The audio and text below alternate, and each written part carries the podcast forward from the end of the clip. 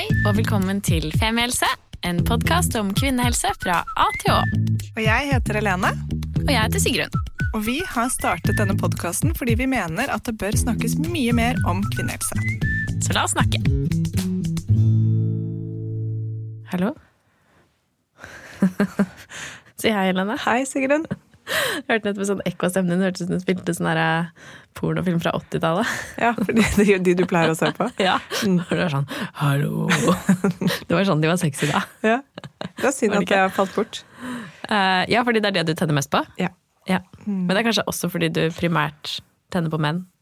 Så da mørke, mørke kvinnestemmer er uh, det nærmeste du kommer mann. Ja, riktig. Jeg vet ikke helt hvor vi vil med dette, Sigrun. Men det er hyggelig. Hyggelig å se deg. Hyggelig å være tilbake i studio. I like måte. Ja. Eh, du ser veldig godt ut. Syns du det? Ja. Oi, det er hyggelig. Jeg er veldig svimmel. så jeg er veldig glad for at du sier at jeg ser godt ut. For du har den liksom sånn, en liten sånn krystallsyke som ligger sånn bakerst og liksom Ja, det kommer sånn sånne der, eh, bølger, så nå er jeg i en liten krystallsykeuke. Så jeg prøver å holde meg godt fast i bordet, ikke ta noen brå vendinger, og legge meg veldig tidlig. Ja, Vi pleier å si at når Sigrun har krystallsyke, det er et godt tegn. Da, er, da har hun det rolig og fint i livet sitt. Mm. Ja, da er det ikke mye som skjer. Det er ikke kroppen som sier noe. Nei, men det er jo sånn sett ganske greit, da, å få et tydelig tegn på at uh, Hey bitch, calm down. Ja. Ja. Men ror du deg ned, da? Nei. Det har jeg ikke tid til. Nei. Det er det som er problemet. Ja. Ja. Og du, da? Jeg har det veldig fint. Hva har du gjort i dag? Hva har jeg gjort i dag? Å, jeg har tatt magemassasje. Hva er det for noe? Jeg er så nysgjerrig. Jeg har faktisk ventet med å spørre til vi kom inn i studio. Ja, det er så skummelt å snakke med det som forsker og generalsekretær i rommet, som vi skal introdusere snart. Nei, men det er, det er rett og slett eh, massasje. Men eh, man masserer også magen. Og sånne punkter i magen. Og det har vært skikkelig deilig. Jeg, jeg booket det da jeg måtte ta hele den der antibiotikakuren på seks uker. Og så tenkte jeg ja, hvorfor ikke gi magen litt kjærlighet? Men det det egentlig handler om for min del, fordi jeg har hatt IBS i så mange år, da fikk jeg sagt det i denne episoden også, Ja. Ikke en episode uten. Nei, er at eh, det å gi magen liksom oppmerksomhet og kjærlighet er for meg litt viktig. Og mm, jeg har hatt et eh, anstrengt forhold til magen min i alle år, og det tror jeg veldig mange kvinner med meg dessverre kan kjenne seg igjen i. Og eh, Maja Lunde har jo skrevet en fantastisk quatro av noen bøker, men i en av de, jeg husker ikke hvilken, så skriver hun noe sånt som at kvinnekroppen, nei, kvinnemagen blir ofte liksom idolisert og beskrevet som en rettstrek, men det er den ikke, den er en bue. Og da jeg leste den setningen, så ble jeg sånn Ja, den er jo en bue. Eller vi er jo bua. Vi er jo, vi er jo runde på en eller annen måte. Ja. Og, ja, så det å gå til sånn magemassasje handler rett og slett for meg om bare å anerkjenne magen min litt, og bare kjenne den. Og bare sende den litt mer kjærlighet. Han sa det så fint, han massøren som jobber mye med dette, da, selvfølgelig. Han sa sånn at eh, veldig ofte hvis man er mye dårlig i magen og har problemer med magen, kanskje man ikke tåler ting og sånn, så kan man bli veldig sånn frustrert på magen sin. At man blir sånn ekstra irritert på den. Og vi vet jo uh, at man kan få nervøs mage. Som vet jo at selv om det liksom kan høres litt sånn hippie ut, at følelsene setter seg i magen, så er det jo hvis du spør et lite barn som er lei seg, så kan de jo ofte si at de har vondt i magen. Så jeg har veldig troen på den der, eh, sammenhengen mellom at jeg nå liksom aksepterer magen min litt og koser med den og gir den kjærlighet, kan i hvert fall gjøre at jeg får et bedre forhold til den. da. Det er skikkelig fint. Altså Min første tanke når eh, vi snakker om magemassasje, det høres så liksom intruding ut. Ja, Og jeg vet ikke hvorfor, men det er noe med at liksom det er jo ikke et eh, sted hvor man blir eh, tatt på så mye. Og så er det jo veldig sensitivt. Og det er veldig Altså i hvert fall når jeg har fått massasje, da, og når jeg har blitt tatt på magen, så jeg det, er så, det føles nesten litt sånn Ja, veldig sånn overgripende. Ja, jeg gruet meg skikkelig. Og, og jeg tror også veldig mange kvinner med meg dessverre kan kjenne på den at for hvis man har sex og noen tar deg på magen, så kan man liksom køppe litt til. Som også er innmari trist. da. Um, men det som var, var at nå skulle jeg få massasje, jeg hadde gruet meg til det, men så med en gang jeg møtte han, så kjente jeg meg helt rolig. Ja. Og han selvfølgelig sa sånn hvis liksom, noe blir Dette kan hende at du syns er ubehagelig, eller at det liksom blir føles for intimt og rart. liksom. Da bare sier du stopp, og så får du en ryggmassasje. liksom. Ja. Men det var helt fint. Jeg hadde en full tillit til han fra første øyeblikk. Han var en sånn type som du bare kjente sånn Ja, du kan få massere magen min. Fint. Jeg syns det var en fin liten oppsummering av kjærlighet til nye deler av kroppen sin. Mm. Neste uke lillefingeren. Ja, leggene. ja. Så bra. Ja. Men vi har jo to fantastiske damer i studio, og denne episoden, som alle andre, for så vidt, har vi jo gledet oss veldig til å spille inn. Um, I dag skal vi snakke om eh, kreft i et kjønnsperspektiv, um, og med oss har vi Ingrid og Sigrid fra Kreftforeningen. Velkommen til oss. Tusen takk. Takk skal du ha. Ingrid, du har jo vært her før, men Ja. Sigrid, du er ny. Kanskje du har lyst til å begynne med å introdusere deg selv? Eh, det kan jeg godt. Jeg, eh, jeg er egentlig molekylærbiolog. Det betyr at jeg eh, jobber veldig mye med det som er veldig bitte smått inni kroppen. Eh, celler og gener og sånt. Eh, men så har jeg nå, da jobber jeg i Kreftforeningen med de litt store perspektivene, da. For dette blir jo veldig viktig også i et eh, kreftperspektiv. Så der er jeg strategisk rådgiver. Eh, og blander meg egentlig ganske mye av det som skjer i organisasjonen, både faglig og politisk. Også sosialt? Er du sånn som arrangerer fredagsquiz og vinlotteri og sånne ting? Nei, men jeg er ofte med. Ja, det er bra. Ja. Ja, kanskje ikke vinlotteri på Kreftforeningen, men det Nei, kommer det vi tilbake til. Smoothie-lotteri. Smoothie-lotteriet. Mm. Og Ingrid, Ja. en liten oppfriskning. Ja, jeg er generalsekretær da, fortsatt. Um, Det er godt å høre. Ja, Det betyr jo at jeg leder eh, Kreftforeningen, har det øverste ansvaret for, eh, for den eh, utrolig fine gjengen med både frivillige og medarbeidere som står på hver dag for å prøve å gjøre Sørge for at færre får kreft og at flere overlever, og gjøre livet best mulig for de som rammes av denne sykdommen. Så det er en stolt oppgave. Mm. Og en stor oppgave. Ja, men det er veldig, jeg føler meg veldig privilegert som får lov å jobbe med både saken og folka. Det er fantastisk mye fine folk. Ja, Så fint. Veldig fint.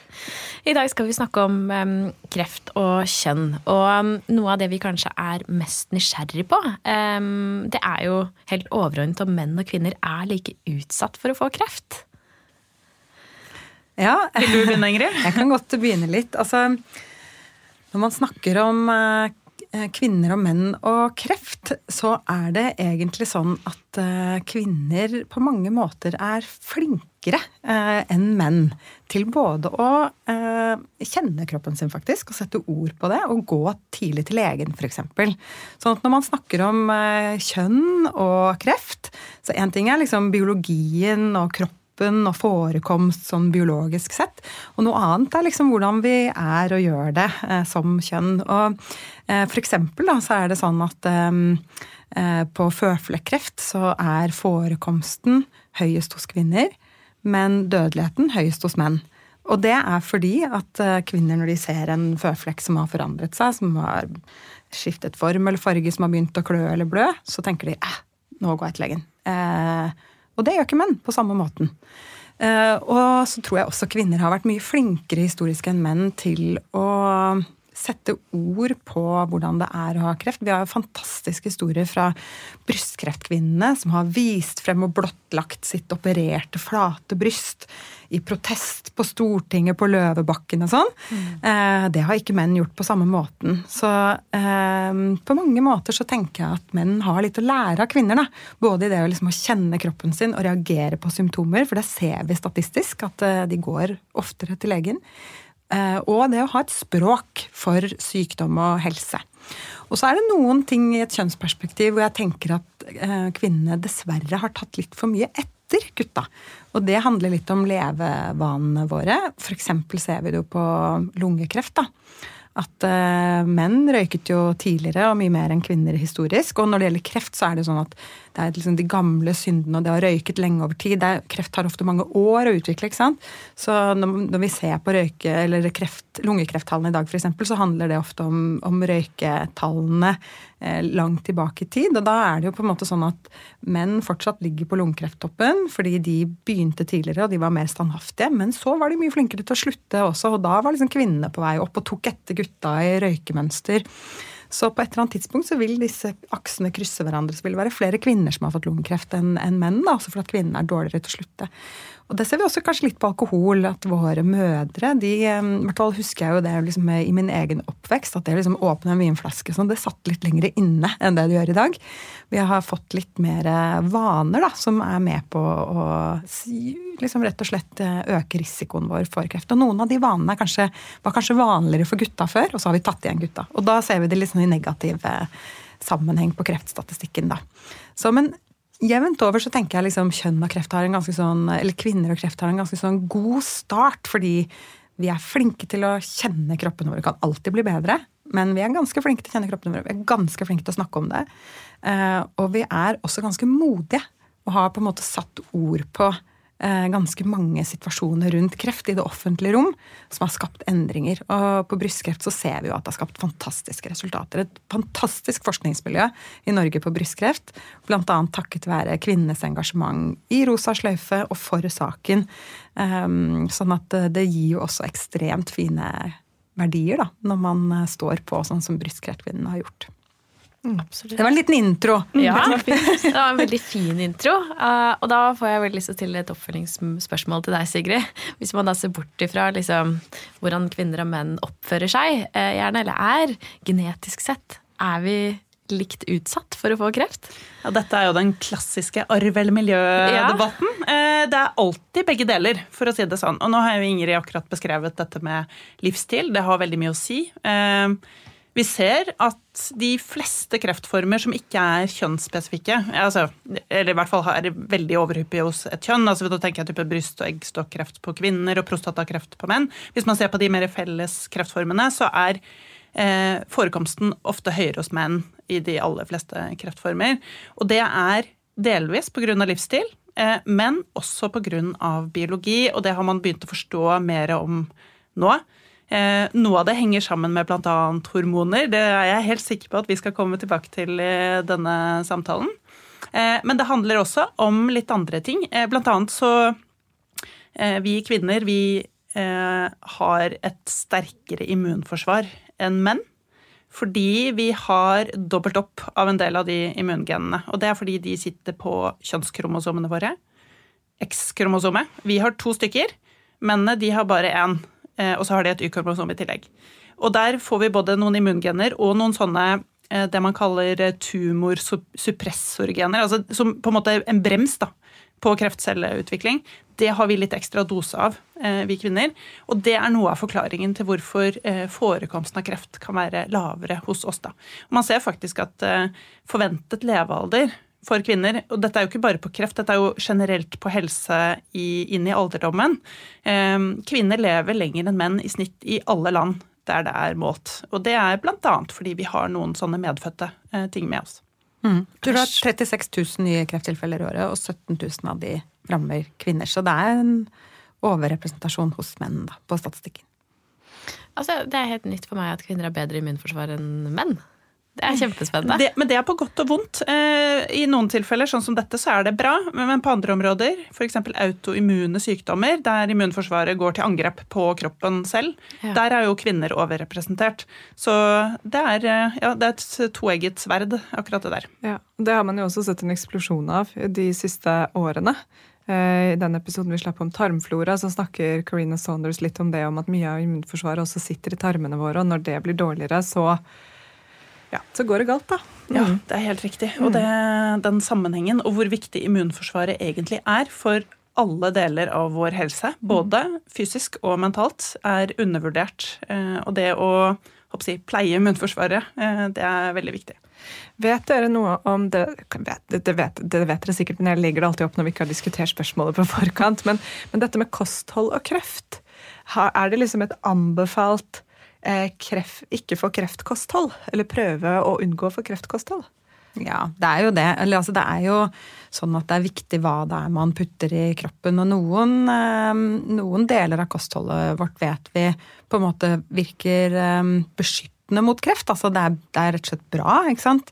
Mye av det handler om fiber, f.eks. Å spise fiberrikt og sånn. Og noen ting som vi spiser, vet vi er, ehm, er, er forbundet med kreftfare. Altså kan øke risikoen din for å få kreft. F.eks. rødt kjøtt.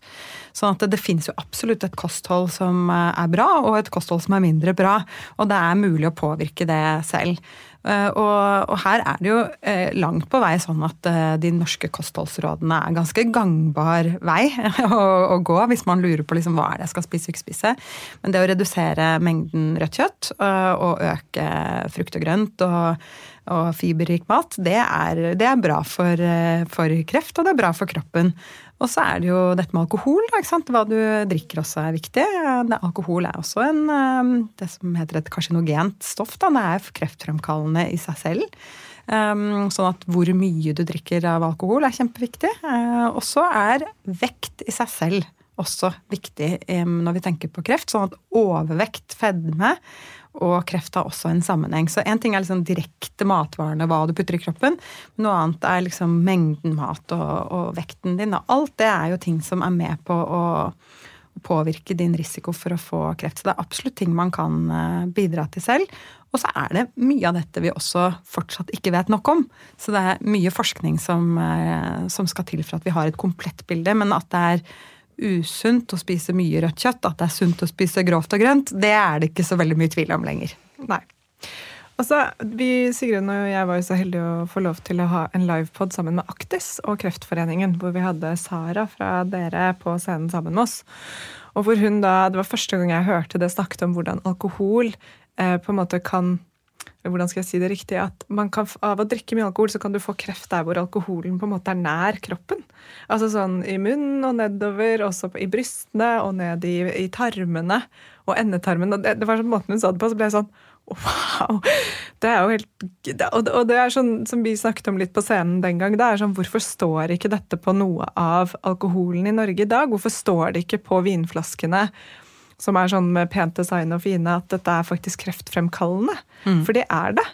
Og det er sånn, Jeg vet at jeg har blitt sånn uh, litt uh, Jeg skal ikke preache om dette med alkohol hele tiden, men jeg syns det er veldig fascinerende at vi ikke snakker noe særlig om det at det er kreftfremkallende. Og jeg, hører, jeg, jeg, jeg, føler nesten at jeg høres gal ut når jeg sier det høyt til folk. Sånn, men du kan få du, altså Drikker du mye, så Og det er ikke, og det synes jeg var veldig interessant det Sara sa også, var jo, det var jo egentlig ikke sånn voldsomme mengder heller. At man visste at hvis alle på en måte som drakk vanlig, drakk et par glass mindre i uken, så ville man se det på kreftstatistikken årene som kommer. da. Mm.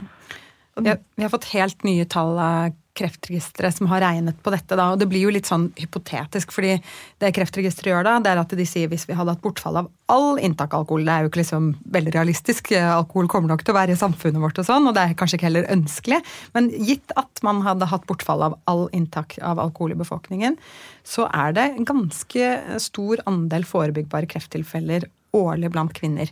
Den største forebyggbare andelen gjelder brystkreft. 221 krefttilfeller i året har man regnet, eller Kreftregisteret da regnet seg frem til at er forebyggbart ved at man hadde fjernet all alkohol. Og så kommer det, som du sier, dette med munnhull og svelg og tarm og spiserøre. Alt det som er i kontakt med alkoholen, som også er ganske mange.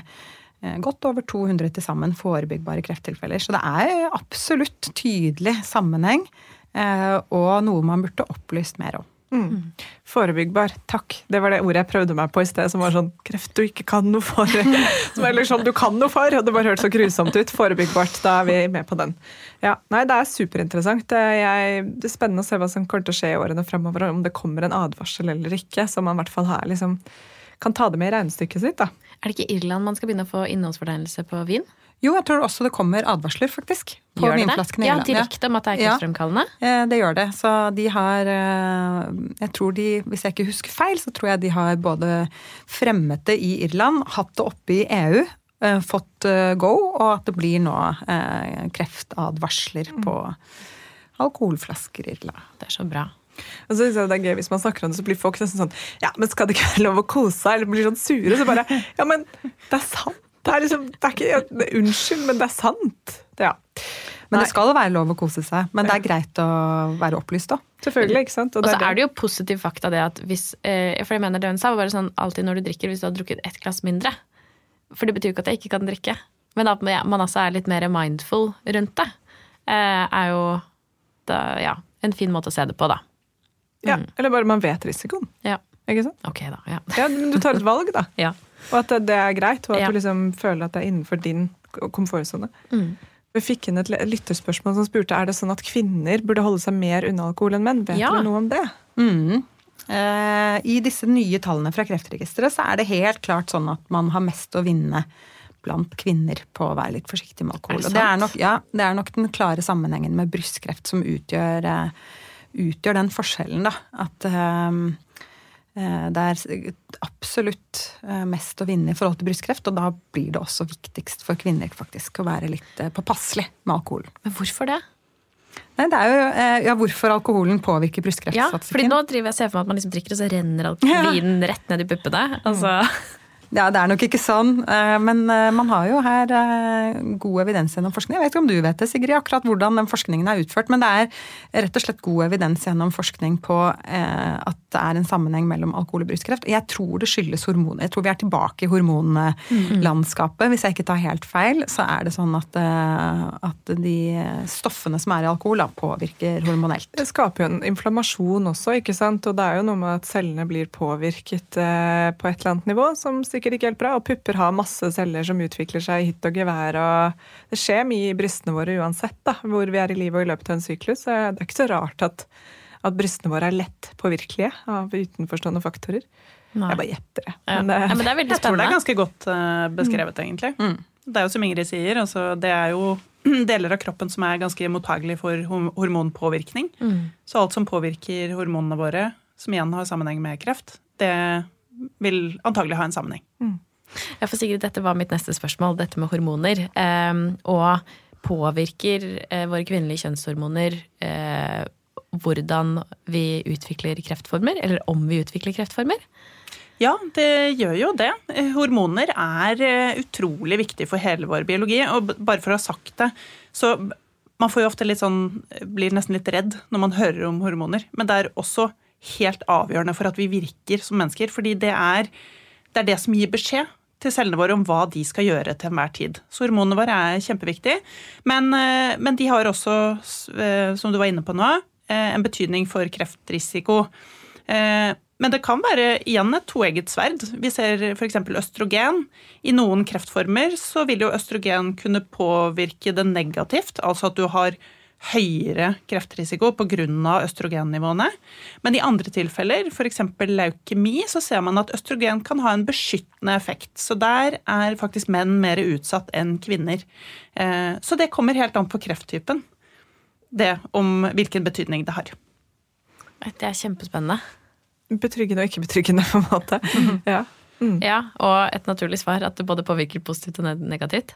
Um, men eh, når vi vet da at vi er litt eh, vi er eh, utsatt for forskjellige ting, og hormonene våre påvirker, har det blitt forsket, så forskes det like mye på kreft hos kvinner og hos menn? Det korte svaret der er jo nei. Det er det. Det, det er jo egentlig fordi nettopp det at menn er enklere enn kvinner. Altså Da mener jeg ikke først og fremst mentalt, jeg mener biologisk. De, eh, de er stabile. ikke sant? De har ikke den syklusen som vi har, hvor hormonene svinger. Og det er en av hovedgrunnene til at det har blitt forsket aller mest på menn, for da er det forutsigbart, det er stabilt når du gjør forskningsprosjektet ditt. Eh, Og i tillegg så har det vært eh, litt redsel for at hvis man gjør særlig prøver ut behandlinger og den type ting da, på kvinner, at det kan, hvis man er gravid og ikke vet om det, at det kan ha påvirkning på fosteret. Så man har vært ganske restriktiv med å forske på kvinner av den grunn også. Men resultatet av det er jo at den kunnskapen vi har, i veldig stor grad eh, er tilpasset menns biologi. Eh, Og det gjelder bl.a. behandlinger som vi gir. Da.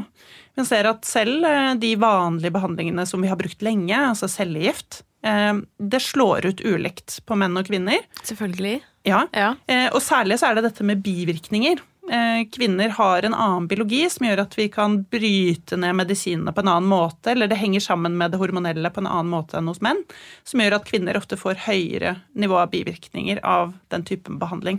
Og det er et veldig viktig framtidig forskningsområde å finne ut hvordan kan man tilpasse dosen til kjønn, f.eks. I mye større grad enn det man gjør i dag, da.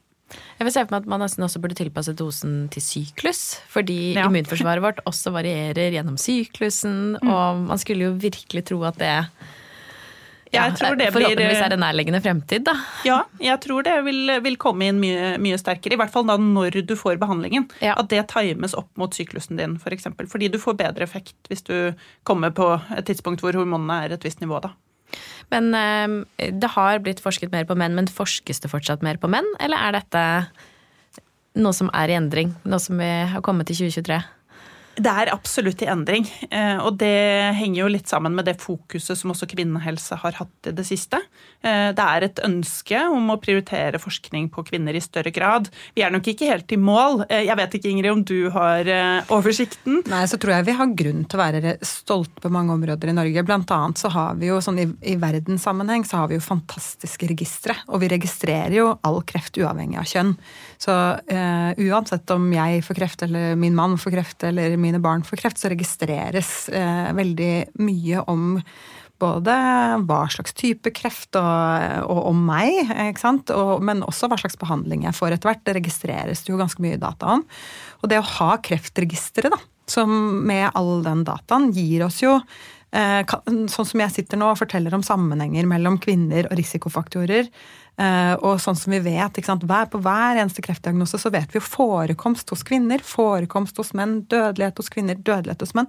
Alle de tallene har vi fordi vi har Kreftregisteret. Det er jo helt fantastisk, egentlig. Og det er, Vi tar det litt for gitt, ikke sant? men bare det, um, det faktum at vi har et personnummersystem i Norge, er liksom en forutsetning for at vi skal ha gode registerdata. Uh, og så Det er mange land i verden som ikke har filla peiling på forekomst, dødelighet, kjønn. ikke sant? Så vi er jo kommet mye lenger enn de fleste, men vi kan fortsatt bli bedre. og Det kan fortsatt forskes mye mer på kvinner og kreft. Det er det ikke noe tvil om. Men det er jo også, tenker jeg liksom, også litt sånn som jeg innledet i sted, at eh, det har også vært utrolig mange foregangskvinner som har stått litt på barrikadene for, eh, for kvinnehelse, for, eh, for brystkreft, for gynekologisk kreft.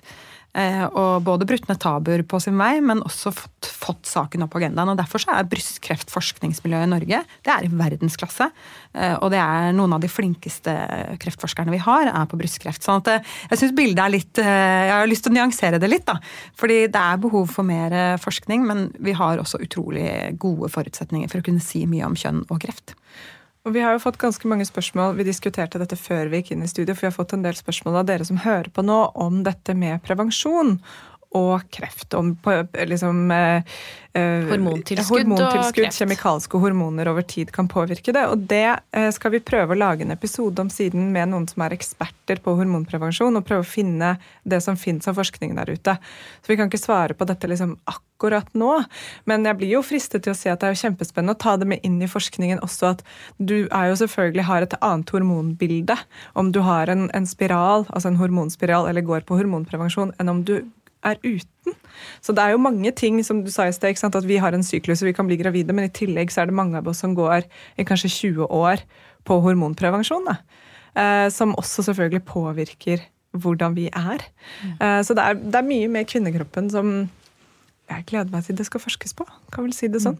Mm. mm. Men Ingrid, eh, var, du, du, nevnte dette med eh, foregangskvinner og personer. Og det var jo en stor debatt for en stund siden rundt dette med um, livmorhalskreftprogrammet mm. og, og, Sjekk deg mm. og, og, dette. Og da er det jo Thea Steen, altså som også kjent som Kreft uten filter, døde jo av livmorhalskreft.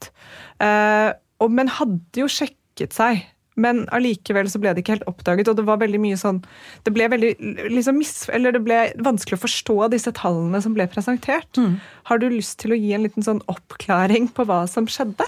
Eh, ja, det gjør jeg veldig gjerne. Um, det er jo sånn at, uh, og vi har sagt i mange år, at det å gå og sjekke seg og ta en livmorhalsprøve, det er en slags uh, forsikring. Og det står jeg for enda. Uh, og grunnen til det er at det er en av de tingene vi kan gjøre for å unngå livmorhalskreft. Eller ta ned vår egen risiko for å få livmorhalskreft. Unngå kreften kan man ikke helt, men man kan, man kan ta ned risikoen. Uh, og uh, når, for de som så dette programmet, da, Norge bak fasaden, så kunne man få et inntrykk av at det var et slags sånn lotteri om du fikk tolket disse prøvene riktig eller galt. At det er en sånn slags 50-50 sjanse om du fikk riktig eller galt svar. Og det er det ikke.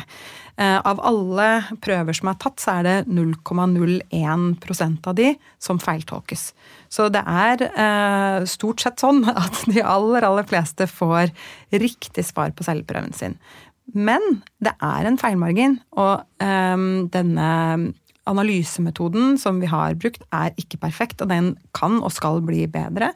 Sånn at i tall så er det ja, Det siste tallet jeg så, som jeg tror er fra 2021, så var det 14 kvinner som Thea, som hadde tatt celleprøve i programmet eh, og fått feiltolket prøvesvaret sitt.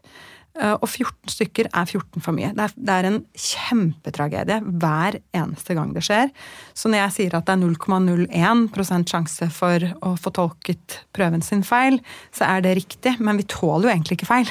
Det skal jo egentlig være en slags sånn eh, ja, Det er jo ikke uten grunn at vi ønsker oss en nullvisjon på dette området. Og jeg har fulgt og kjenner veldig mange av disse jentene som har uh, vært i den situasjonen. Jeg kjente Thea, jeg var i begravelsen til Thea, jeg kjenner moren til Thea, jeg kjenner søsteren til Thea. Uh, og det er Vi har ingen å miste på den måten vi mistet Thea. Sånn at uh, vi må gjøre alt det vi kan, og det jobber Kreftforeningen masse med, og få forbedret disse analysemetodene. Vi må gjøre alt det vi kan for at enda flere går og sjekker seg. Blant annet så jobber vi knallhardt nå for å få på plass hjemmetesting. Sånn at man slipper å gå til legen for å ta denne prøven. At man kan ta den hjemme på sitt eget bad.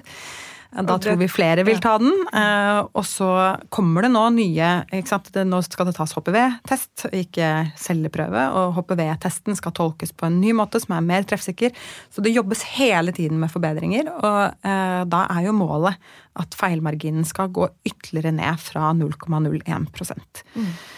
Så, um, og grunnen til dette 50 %-tallet, det er sant, at av de kvinnene som som eh, fikk kreft i den alder, unge alderen, så er det 50 eh, av de eh, prøvene til de kvinnene som ble tatt som var negative, holdt jeg på å si, eller de fikk beskjed om at de var negative, og så fikk de kreft. Da er det 50% av de som viser seg når man går tilbake og analyserer prøven, at det var celler der likevel. Og det er disse 14 kvinnene som har fått tolket svarene sine feil.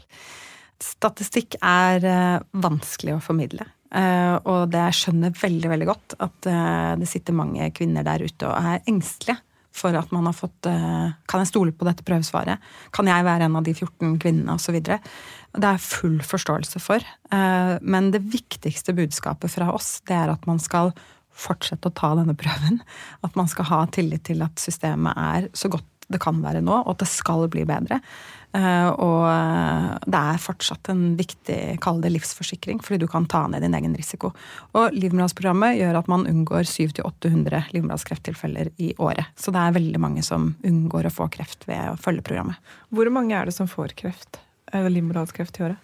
Eh, ja, hva var tallet, det siste tallet, da? Um, det er 345, tror jeg, for ja. å være helt presis. Ja. Uh, så tror jeg det var 345 kvinner i 2021 som fikk livmorhalskreft. Og så ville tallet vært over 1000 hvis vi ikke hadde hatt programmet, da. Mm. Og det er jo altså Ting har uh, Det er veldig viktig at vi alltid jobber for å bedre ting. Men det er jo som du sier at det hjelper jo ikke at vi slutter å teste oss. Men uh, det er ekstra viktig å følge med på symptomer illeluktende utflod, blod etter samleie, det kan være ubehag, smerter At det er noe som er unormalt. Og da er det så viktig at hvis du har en dårlig magefølelse, ikke la deg stoppe. Be om en ekstra celleprøve gå og få gjort det ordentlig. Hvis du, hvis du, er usikker, gjør det en gang til. Det er Sigrun og jeg tester oss jo er det annenhver uke cirka. Nei, men fra spøk til alvor så sier jeg aldri nei hvis en gynekolog eller lege spør om skal celleprøve, selv om jeg vet at det er tidlig, og så er det sikkert overdrevet og ikke nødvendig. Men, men det er noe med å følge den magefølelsen hvis man er litt redd også, og, heller teste, teste når man kjenner at man har symptomer. Du, det er en veldig stor forskjell på jeg 100% enig med deg. Det er så stor forskjell på et screeningprogram. Det man gjør da, er at man egentlig sjekker friske.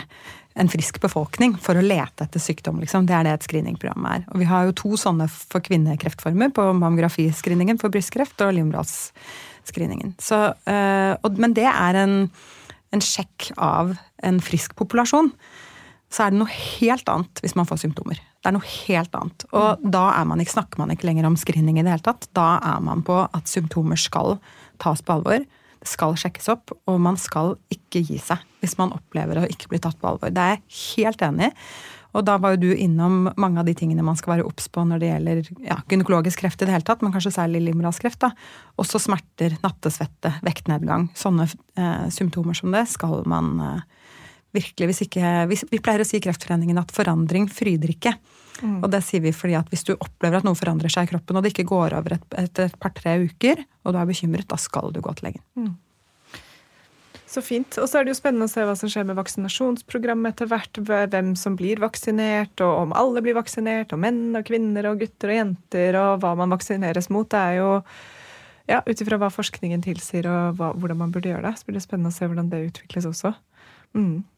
Nei, det her er et stort tema jeg føler vi kunne snakket om veldig lenge. Eh, og det er jo eh, Jeg føler at vi Heldigvis så går liksom forskningen ganske fort i riktig retning med å finne ut av mer ting hvert eneste år. Men det er jo som vi snakket om litt før vi kom inn i studio, at veldig mye av det som man ser i forskningen i dag, har man jo fulgt i 20 år. Så det er jo ikke som at liksom idet man begynner å mistenke noe, så tar det jo lang tid å finne ut av om det stemmer eller ikke, og, og tørre å gå ut med det. Vi fikk et spørsmål som var om dette med IVF-behandling og kreft. Og der er det noen forskningsprogrammer som er på, men det er altfor tidlig å si om Konstatere. det. Ja. Mm. Og det, det, det, foreløpig så sier det ingenting om det ene eller det andre, men det er uansett veldig fint å vite at når det begynner å bli litt sånn Kan det være noe der? Så forsker man på det. Absolutt. Og vi jo, finansierer jo masse ulik type forskning for å hele tiden legge disse puslespillsbrikkene Eh, et annet område, IVF er et område, men et annet område er jo liksom kjemikalier og kreft.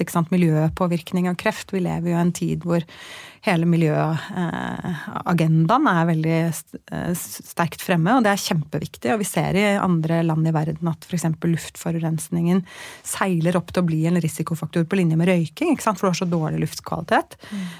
Og vi omgår jo oss med veldig mange ulike typer kjemikalier og utsetter oss for mye mye kjemikaliepåvirkning. Der er det også masse forskning på gang. sånn, Så vi driver hele tiden og holder på å prøve å finansiere prosjekter som kan legge disse puslespillsbrikkene. Og så er det mange ting vi ikke vet ennå. Ja, og jeg har en um, i familien som har hatt hjerteinfarkt, og så skulle jeg finne en uh, kokebok å gi til jul. Eh, som skulle være noe sånn, Jeg håpet på å finne noe sånn hjertevennlig mat. eller noe sånt. Det fant jeg ikke. Det var ikke noe, var ikke noe på ark. hvert fall, eller Norske bokhandlere hadde ikke det. Så da endte jeg opp med å kjøpe en sånn uh, bok med Klaus Onstad og Berit Nordstrand som het noe sånn Magevennlig mat. eller noe sånt. tenkte jeg sånn, Det her er et godt utgangspunkt. Men det er jo det at eh, litt tilbake til kosthold og hvordan vi lever, så er det jo så utrolig mye av altså alt påvirker alt. Så hvis du spiser på en måte krefthemmende mat, eller mat som er ikke kreftfremkallende, så vil det jo også være bra for hjertet og tarmfloraen og huden din, og du får penere hår. og det er liksom, Så det er så mange av disse tingene som påvirker oss, vil jo også påvirke om vi får kreft eller ikke. Det er så ja, vi lever i en spennende tid, i hvert fall, når det mm. kommer til ytre påvirkninger og hva vi blir utsatt for. Um, mm. så, ja. Helt enig. Et klassisk eksempel der er jo føflekkreft igjen. da. Vi har, jo, vi, har jo, skjønt at eh, du blir ganske rynket av å sole deg òg, liksom. Så det er, det er, mange gevinster ved å være litt forsiktig i sola. Mm. Der har det skjedd ekstremt mye kulturelt òg, på, på, mange år. Jeg har vokst opp eh, liksom, på 80-tallet med noe høyfjellssol og solariumsbruk som ikke lignet noen ting. Mm. og så er det jo ikke sånn at vi Ikke bare pga. kreften, det er jo kanskje det aller viktigste, men også pga. Eh, ja, liksom de andre tingene som dette fører med seg, så har det kulturelt snudd. Da. Det har det jo også på røyking. Det har vært en veldig sånn stor snuaksjon kulturelt. ikke sant? Så det er mange av disse tingene. Med økt kunnskap, med innsikt, med forskning, ja, så endrer vi også atferd. Og det gir jo masse håp for fremtiden. Vi tilpasser oss. Vi er utrolig tilpasningsdyktige. Mm. Ja, jeg tenkte på en sånn liten ting. At eh, da jeg var liten, så gikk mamma rundt i hagen med en sånn derre pumpebøtte med Roundup og drepte ugress. Så det er sånn der sprayet på liksom alt mulig. Og nå er det sånn ja, det gjør vi ikke lenger. Det er superkreftfremkallende. Så det er jo bare Ja, det er jo ting som er virket helt greit for bare noen år siden, er nå helt bare sånn Herregud, tenk at vi gjorde det, liksom. Ja. Mm. Men det er jo ikke bare de ytre påvirkningene vi lærer stadig mer om, det er jo også de indre. Vi vet eh, jo at gener f.eks. er veldig veldig viktig for kreftutvikling. Både om du har fått eh, si, forandringer i genene underveis, men også om du har det medfødt. Og der er det utrolig mye spennende, også i et kjønnsperspektiv. Da.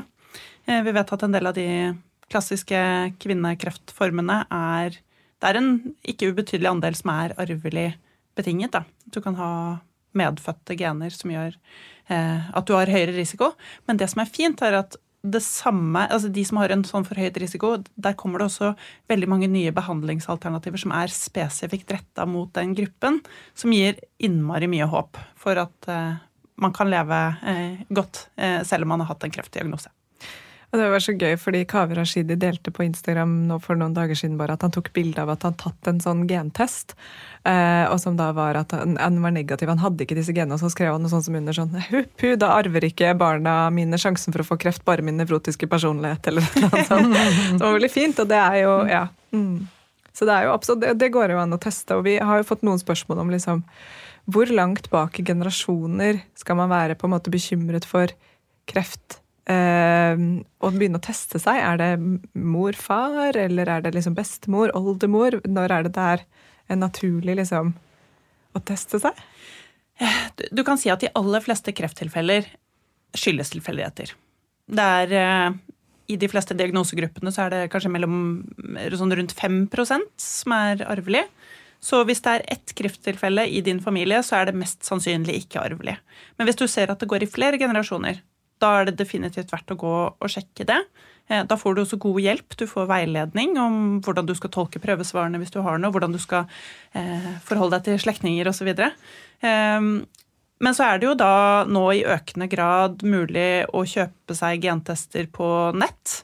Eh, som tester for alt mulig rart. Det kan være alt fra om du er eh, sannsynligvis liker brokkoli, til eh, om du har sammenvokste øyebryn, til om du har en forhøyet kreftrisiko. Du får liksom hele pakka med en gang. Og der er det jo noen av de vanlige arvelige kreftgenene som du får først opp på skjermen. Så eh, dette er et, et fenomen eh, som man skal ta på alvor. Det er jo en del av disse kreftgenene som er forholdsvis vanlige. Eh, og det, en, det, kan jo både være veldig nyttig, fordi noen av de kan jo faktisk forebygges. Hvis du vet at du har forhøyet risiko for brystkreft eller eggstokkreft, f.eks., som er noe av det vanligste, så er det mange som velger å ta en forebyggende operasjon for å fjerne brystene. Så det kan jo faktisk være livreddende. Men det kan også føre til veldig mye bekymring. Mm. Så dette er et veldig viktig område. Mm. Kan jeg spørre om et, eh, eller stille et litt rart spørsmål på tampen her? Vet man noe om f.eks. stress og kreft? Har man forsket på noe med liksom for når du begynte å snakke om det indre i sted, så ble jeg veldig sånn Ja, så ja, da er vi på det. Spennende. Følelser og kreft. Kan man liksom utvikle ja, Meditere seg bort fra kreft? Ja, mindfulness mot kreft. Nei, men, men altså sånn, har man forsket noe på det i det hele tatt? Altså man har, jeg kjenner ikke til noen forskningsstudier som har gått spesifikt inn på stress og kreft, men det vi vet, er at eh, det som Altså uhelse, hvis man skal se på det litt breiere, da. Eh, sant, alt henger sammen med alt. Det var det du sa i stad. Så det som øker risikoen din for kreft, øker også risikoen for ganske mye annet samtidig. Og det henger igjen sammen med da din generelle helse i kroppen. Eh, du var innom dette med tarmflora. Kjempeviktig. Igjen henger sammen med dette med hvordan immunforsvaret oppfører seg. Hvis du har kronisk eh, betennelse i kroppen, som jo også henger sammen med stress, så vil det kunne være en driver for eh, sykdomsutvikling. Så, så, indirekte så kan man si at ja, det er vel antagelig en sammenheng der. Eh, men jeg har ikke sett noen sånne veldig spesifikke studier, så jeg vet ikke hvor høy den risikoen er i praksis. Men eh, jeg tror det er forsket en del på det, men jeg tror litt av utfordringen med stress som fenomen, da, det er jo at noe stress kan på en måte være litt sånn positivt. ikke sant? Man opplever det ikke som tyngende eller krevende. Det er liksom et driv eller eh, ikke sant? Det er likevel litt høye skuldre og litt høyt tempo. Eh, mens andre former for stress kan være veldig negative. Og så jeg tror det er litt vanskelig forskningstema, for jeg tror det er litt vanskelig å gruppere da, hvem som opplever hva slags type stress og hva det gjør med kroppen. Så det, vi har ikke noen gode forskningsresultater på det. Det er lite som peker på at liksom stress sånn generisk er kreftfremkallende. Det kan vi ikke si at det er. Men, eh, men, at det er en sammenheng mellom hvordan vi har det, eh, og, liksom, og, hvordan vi tar det på en måte, og hva vi får, det, det tror jeg likevel at mange tenker at det er eh, sannsynlig, da. Fordi det, kroppen er så kompleks. Sånn at i alt dette vi har snakket om nå, da, med hva man kan gjøre og ikke kan gjøre, og hva man burde gjøre og ikke burde gjøre, og sånn, så er det en betydelig viktig del av det å tenke på at livet også skal leves. Vi klarer ikke gjøre alt riktig og alt bra, så da er det på en måte summen av de valgene man tar, da, som man kanskje skal være litt bevisst på. Eh, og så, ja, så ble det et glass for mye en gang, eller man spiste litt feil en gang, eller man trente litt lite. Det er helt ok, det gjelder jo for alle mennesker. Og det betyr egentlig ganske lite i det store bildet. Det er på en måte summen av valg over veldig mange år som er det vi ser og leser av på kreftstatistikken. Amen. Amen. Ja. Jeg syns det er et nydelig sted å avslutte, og jeg håper at dere som har hørt på nå, ikke sitter og får kreftangst av dette. Og hvis dere får det, så kan dere få kreft av det. Nei. Det er viktig å bare oppsummere med at det handler jo om de store, lange valgene. Det er nettopp som du sa, der røyker man i liksom 40 år, så ser man på en måte inn på det på statistikken. Det handler ikke om den ene siggen man tok på fest. Um, så jeg, syns det er en super oppsummering, og det jeg tror um, nei, Det blir bare spennende å følge med på hva som skjer fremover på forskningen. og jeg bare, en sånn siste liten kommentar, så syns jeg det er veldig spennende når du snakker om ulike former for stress. da, Og at nå som vi i samfunnet blir mer og mer opptatt av mental helse og lage et godt språk på det, kanskje det kan bidra til at man kan forske på det på en annen måte, fordi vi greier å uttrykke Sånn som femihelsestress, det er bare gøy stress. Mens øh, jeg vet ikke, masse sånne rare avtaler og jobbting og sånn, det er dårlig stress. Så jeg er veldig, ikke sant? Det Da spiser man dårlig, sover dårlig. Ja. Men femihelse, det er bare positivt stress. Det er bare positivt stress. Ja, så det blir kjempespennende å se. Men uh, tusen takk, Sigrid og Ingrid. Det var så fint å ha dere her. Veldig Takk for at vi fikk komme. Veldig hyggelig å være tilbake igjen. Takk for jobben dere gjør. Ja, virkelig. Tusen takk. Vi høres neste uke, gjengen. Det gjør vi. Ha det! Tusen takk for at du hørte på podkasten vår. Selv om det forhåpentligvis kommer tydelig frem, så vil vi understreke at vi ikke er helsepersonell. Ja, så som vanlig, kontakt legen din om du har noen spørsmål, eller om du skal begynne på noen form for behandling.